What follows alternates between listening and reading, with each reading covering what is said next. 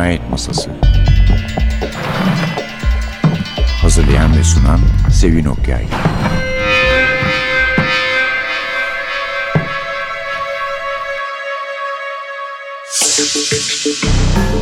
Merhaba, NTV Radyo'nun Cinayet Masası programına hoş geldiniz. Ama belki casusluk masası desek daha iyi olacak çünkü hayli yakın bir zamanda bir John Le Carre yapmıştık. Fakat Üstadın son kitabı Türkçe'ye çevrilince dayanamadım onu da yapayım dedim. Kırmızı Kedi'den çıktı. Diğer Le Carre kitapları gibi bu yakınlarda. Belki de en iyi kitabı yani kesinlikle en iyi kitaplarından biri Nazik Bir Durum diye çevrilmiş Türkçe'ye. Çevirmen Ali Cevat Akkoyunlu. Özgün adı A Delicate Truth. Aslında nazik bir gerçek yani ama tabii durum daha iyi olmuş. Nazik bir durum en iyi yazdığı şeyi yazan bir lekare ile karşı karşıya getiriyor bize.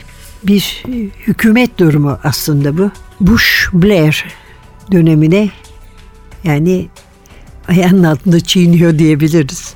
Bir hırslı bir bakan var çünkü karakterlerinden bir tanesi. Fergie deniyor kısaca. Savaşkan bir İskoç. Agresif. Öyle televizyonda da öyle Whitehall'a karşı bir savaş ilan etmiş durumda ama kendisi de Whitehall'un bir bakanı tabii ona bakacak olursanız.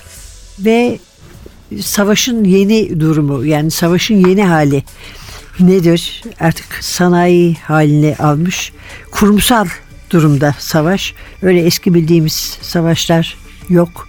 Yani 12 çift çizme bir general şeklinde ilerlemiyor işler diyor bir yerinde kahramanlardan bir tanesi. Etik işler diye mesela bir şirket var. Bu şirket bu kitapta gördüğümüz olayların boğazına kadar içinde. Etik işler bu yeni savaşın, yeni savaş durumunun bir örneği ama biraz iç karartan bir örneği. Bu kurumsal savaşın yaratıcılarından biri olduğu söylenebilir. Başında Amerikalı basbayağı sağ kanattan bir çok zengin bir hanım var. Biri Jay Crispin. Jay Crispin İngiltere politikasından sürülmüş birisi. Yasakları var. Birçok yere ulaşamıyor ama aslında arkasında dayadığı servet ve kendisinin de çok ikna edici bir şahıs olması sayesinde gene bir tür iktidar sahibi. John Le Carre kitaba Cebel Tarık'ta geçen bir olayla başlıyor. Cebel Tarık İngiliz kolonisi. Olayın da ne olduğu belli değil aslında. Bir terörist girişimine engel olmak için sözde oraya gidiyorlar. Normal askerler var, cep var başlarında. Paralı askerler var. Normal askerler karada, paralı askerler denizden gelecek. Bir de hükümeti neredeyse temsilen gibi gelmiş ama tabii temsilen gelmiyor. Bakanlık görevlisi biri var. Bu şahıs da ismini değiştirmek zorunda kalıyor bu operasyonda yer alabilmek için. Música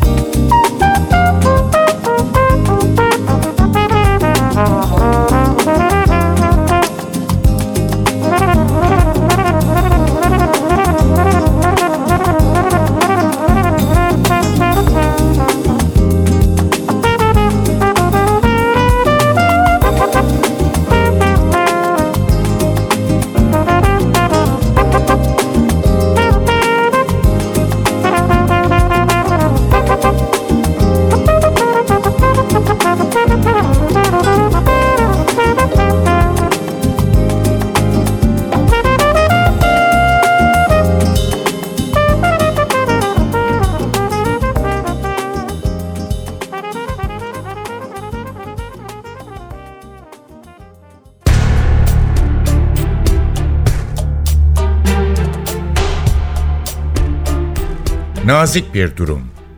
Yine ceple yan yana durarak yarıktan ışıklı yük gemilerine ardından da ortadaki ekrana baktı. Gemilerden biri yoldaşlarından ayrı duruyor, bu basında bir Panama bayrağı dalgalanıyordu.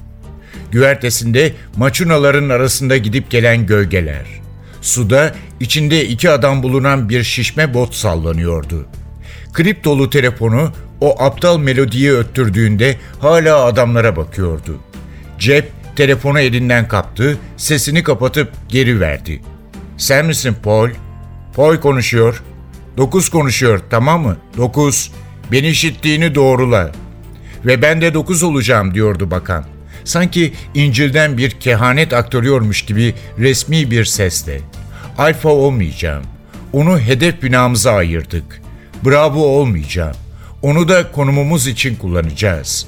Komutanın için atanmış kod numarası olan 9'u kullanacak ve seninle kriptolu cep telefonu üzerinden temas kuracağım. Operasyon timi de sana güçlendirilmiş PRR ağı ile bağlanacak. Yani Birleşik Krallık Birliklerinin kullandığı bir telsiz. Sizi açık ve net işitiyorum 9. Teşekkürler. Yerindesin değil mi? Evet mi? Bundan böyle yanıtlarını kısa tut. Yerimdeyim. Kulaklarınız ve gözleriniz. Güzel. Bana bulunduğun yerden tam olarak ne gördüğünü anlat. Yamaçtan doğruca evlere bakıyoruz. Daha iyisi olamazdı. Kim var orada? Cep, üç adamı ve ben. Duraklama, boğuk bir erkek sesi. Yeniden bakan, Alaaddin'in Çin lokantasından hala neden ayrılmadığını bilen var mı? Yemeğe geç başladılar. Her an ayrılması bekleniyor. Tek duyduğumuz bu. Ve Panther'dan haber yok öyle mi? Bundan kesinlikle eminsin değil mi? Eminsin.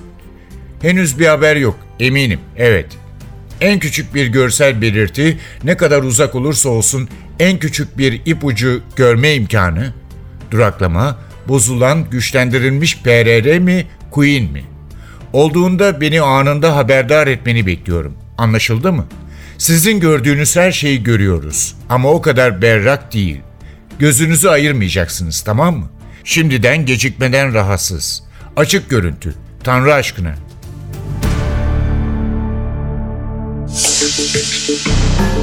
Nazik bir durum.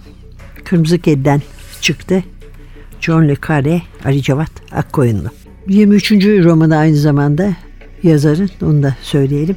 Romanın can alıcı bir noktasında Dışişleri Bakanı Fergie'nin özel sekreteri olan Toby Bell hafta sonunda kendisinin dahil edilmediği bir toplantıda konuşulanları kaydetmek için çok eskiden Soğuk Savaş döneminden kalma bir teyp cihazından yararlanmak zorunda kalıyor.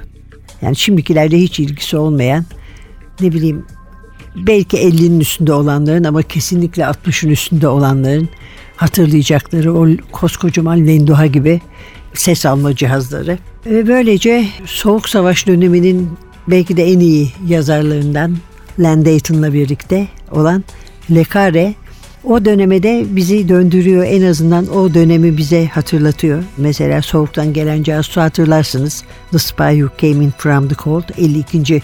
yıl dönümündeyiz onun. Ve sanki bu kitapla nazik bir durumla kendisinin 50 yıllık romanlarını, yazdıklarını özetliyor gibi ve bütün dönemleri bir araya topluyor. Sonra işte bir de bu ilk bölümde sözünü ettiğimiz Cebel Tarık operasyonu var. İşte sözüm ona Orta Doğulu bir teröristi yakalayacaklar. Ne olduğunu bile anlamıyorlar. Sadece orada görevli bir kadın bunlara çok büyük başarı kazandık. Harika, ölen yok, hiçbir şey yok deyip hepsini vuruluyor.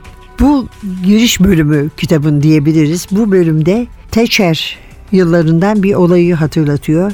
Cebel Tarık'ta vurulan 3 İRA eylemcisi olayı 1988'de.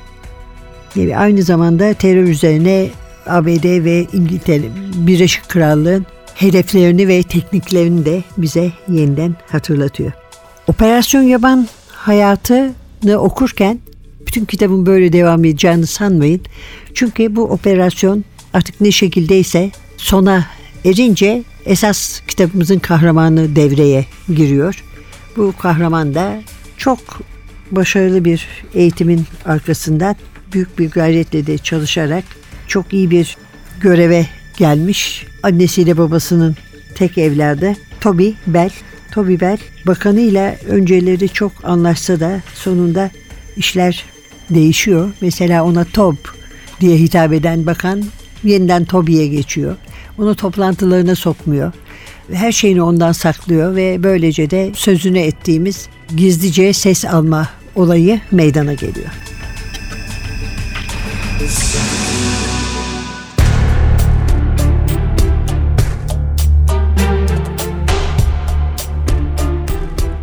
Laura'nın sözü edilecek bir aşk hayatı olmadığından Toby öylesine ya büyük ülkemizin gizli nabzı Laura diye soruyor.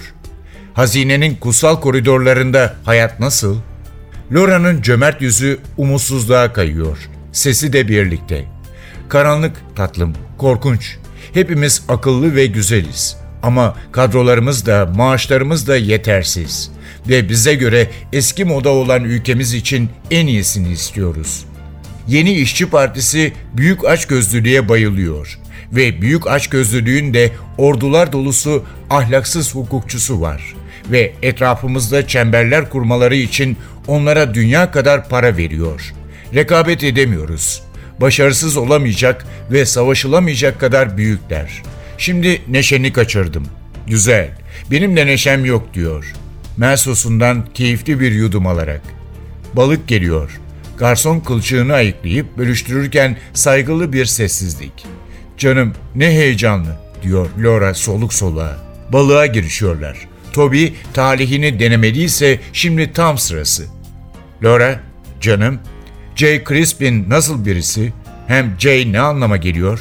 Queen oradayken savunmada bir skandal olmuş. Crispin de karışmış. Her yerde onun adını duyuyorum. Ama çemberin dışında tutuluyor olmam beni ürkütüyor. Birileri onu Queen'in Svengalisi diye bile tarif etti. Laura parlak gözleriyle onu inceliyor. Başını çeviriyor. Sonra sanki gördüklerinden memnun olmamış gibi Toby'ye ikinci kez bakıyor.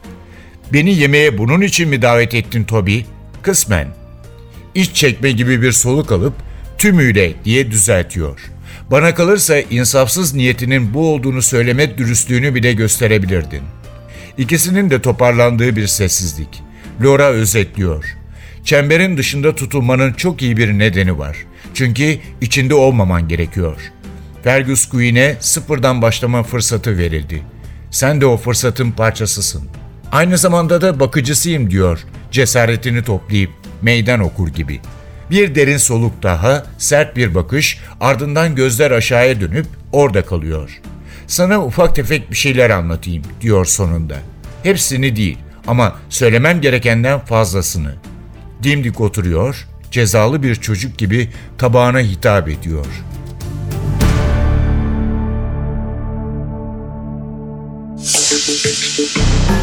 Toby Bell kahramanımız hakikatten yana bir devlet memuru.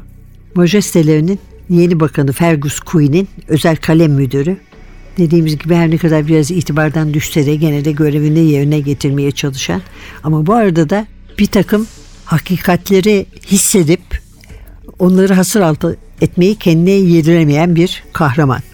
John Le Carre hala yazmaya devam ederek bizi mutlu ediyor doğrusu bunu söyleyeyim. Fakat benim için utanıyorum bunu söylemeye gerçi çok daha büyük bir sürpriz Landayton'un durumu oldu. Biliyorsunuz burada size sık sık Landayton'dan söz ediyorum. Daha doğrusu esas adıyla Leonard Cyril Dayton. Ve ben onun yaşadığını bilmiyordum. Hiç dikkat etmemişim yani. Oysa Le Carre ile aynı dönemde yazmaya başladılar.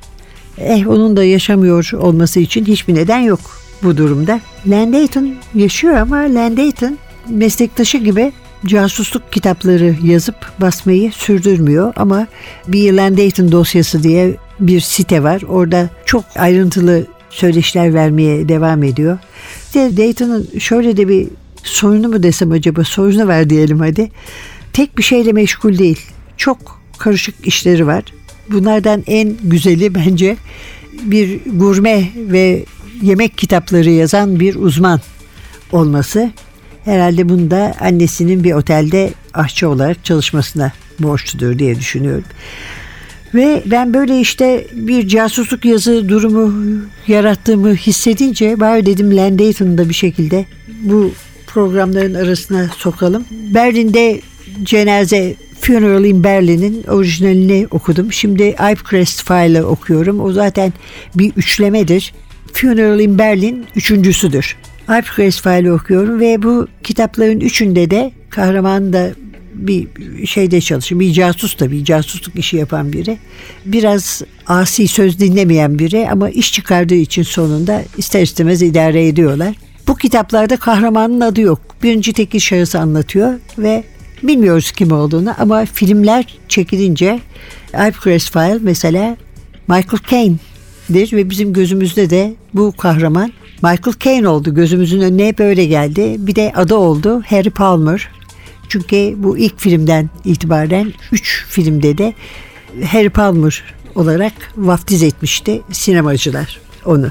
Dolayısıyla birkaç tane eski çevirisi var. Onların içinden makul bir çeviri seçtiğim zaman ki yani bir iki hafta içinde sanıyorum Landayton'dan da size bir kitap takdim edeceğim. Kitaplarda isimsiz olan bu şahısla Nekare karakterlerinin ortak yanı hepsinden fazla satan ve filmleri herkesinkinden fazla iş yapan Ian Fleming kahramanı James Bond ile taban tabana zıt hayatlar yaşamaları. Yani bunların böyle özel olarak onlar için yapılmış silahları yok. Acayip arabaları yok.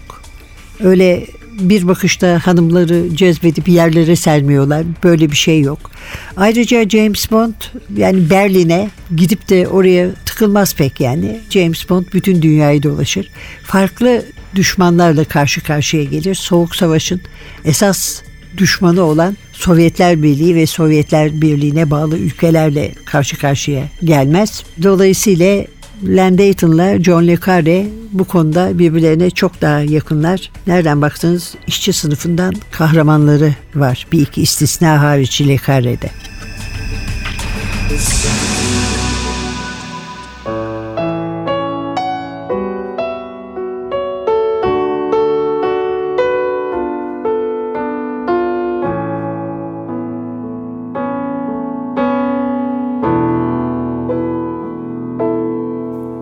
Desperado.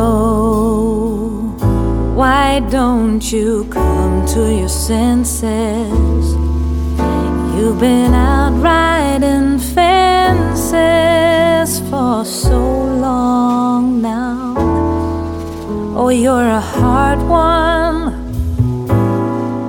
I know that you got your reasons. These things that are pleasing you can hurt you somehow. Don't you draw the queen of diamonds, but she'll beat you if she's able. You know the queen of hearts is always your best bet. Now it seems to me some fine things have been laid upon your table, but you only want the ones that you can get. Desperado, oh, you ain't getting no younger. Your pain and your hunger, they're driving you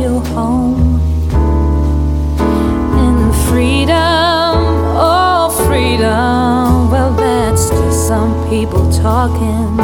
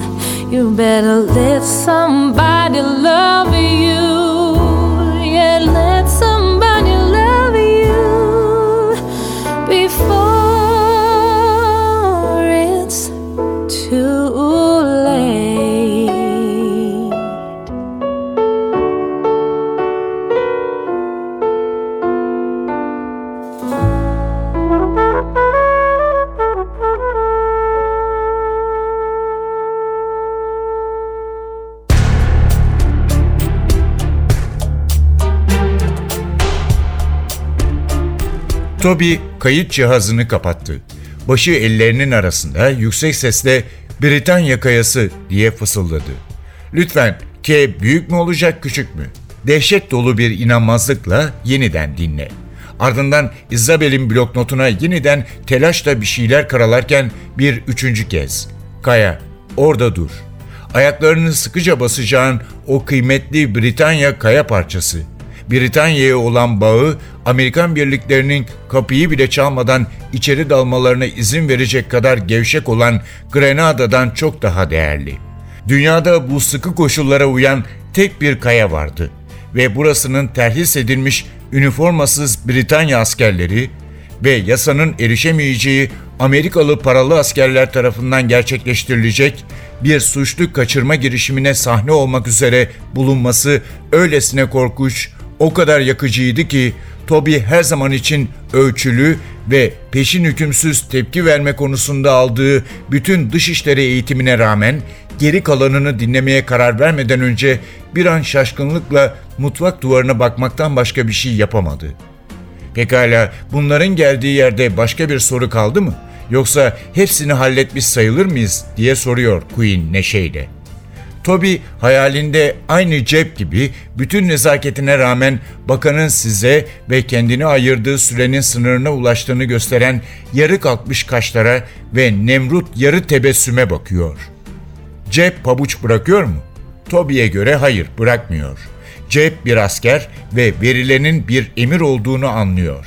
Cep söylemesi gerekeni söylediğini ve söyleyecek bir şeyi kalmadığını biliyor. Cep geri sayımın başladığını ve yerine getirmesi gereken bir görevi olduğunu biliyor. Efendim sözcükleri ancak şimdi çıkıyor. Bakanın ayırdığı zaman için şükran duyuyor efendim ülkenin en iyi ve en nitelikli uluslararası hukukçusu olduğu kuşkusuz bir uzmanın hukuki görüşü için şükran duyuyor efendim. Queen'in mesajını adamlarına iletecek. Onların adına konuşmaya yetkili değil ama harekata daha olumlu gözle bakacaklarını düşünüyor efendim. Son sözleri Toby'yi dehşete düşürüyor. Seninle tanıştığıma da sevindim Paul. Nasıl derler? O gece görüşürüz. Ve Paul her kimse Toby sonradan düşününce alçaktan uçan biri olduğu aşikar. Peki bakan sihirli tozlarını cebin gözüne üflerken o ne yapıyor? Daha doğrusu ne yapmıyor? Çalana kadar sessiz duran kırmızı telefonunuzum.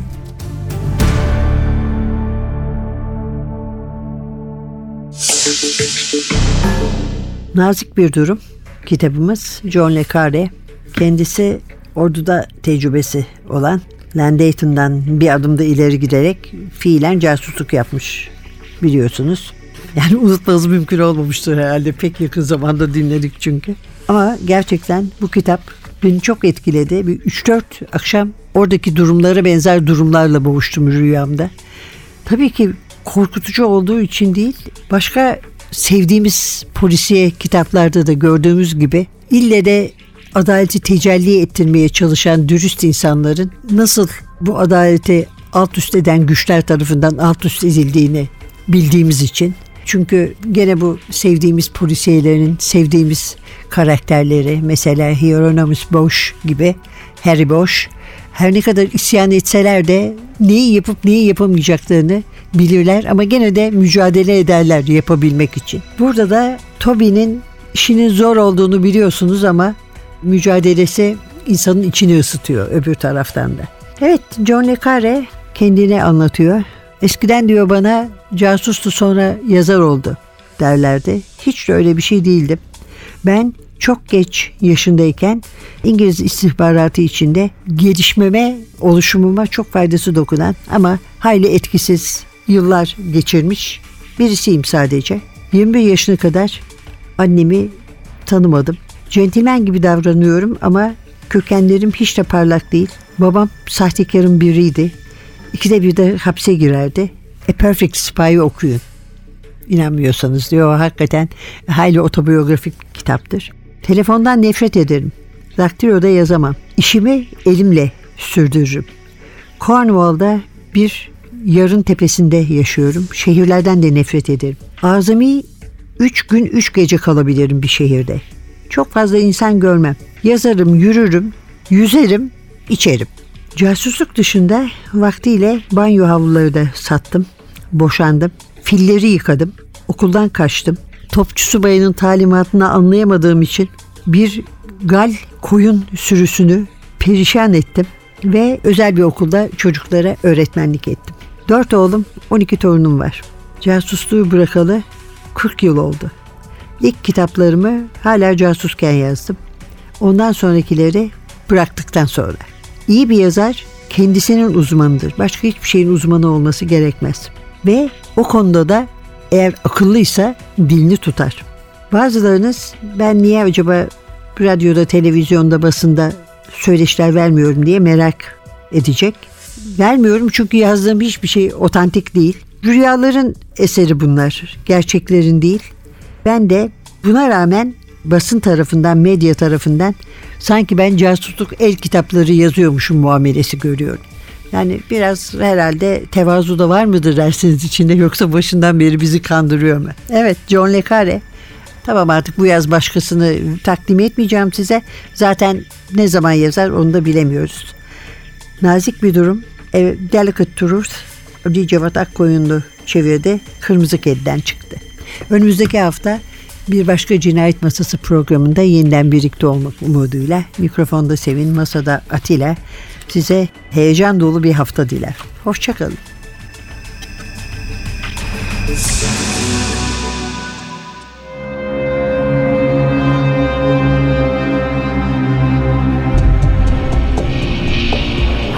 Cinayet Masası Hazırlayan ve sunan Sevin Okyay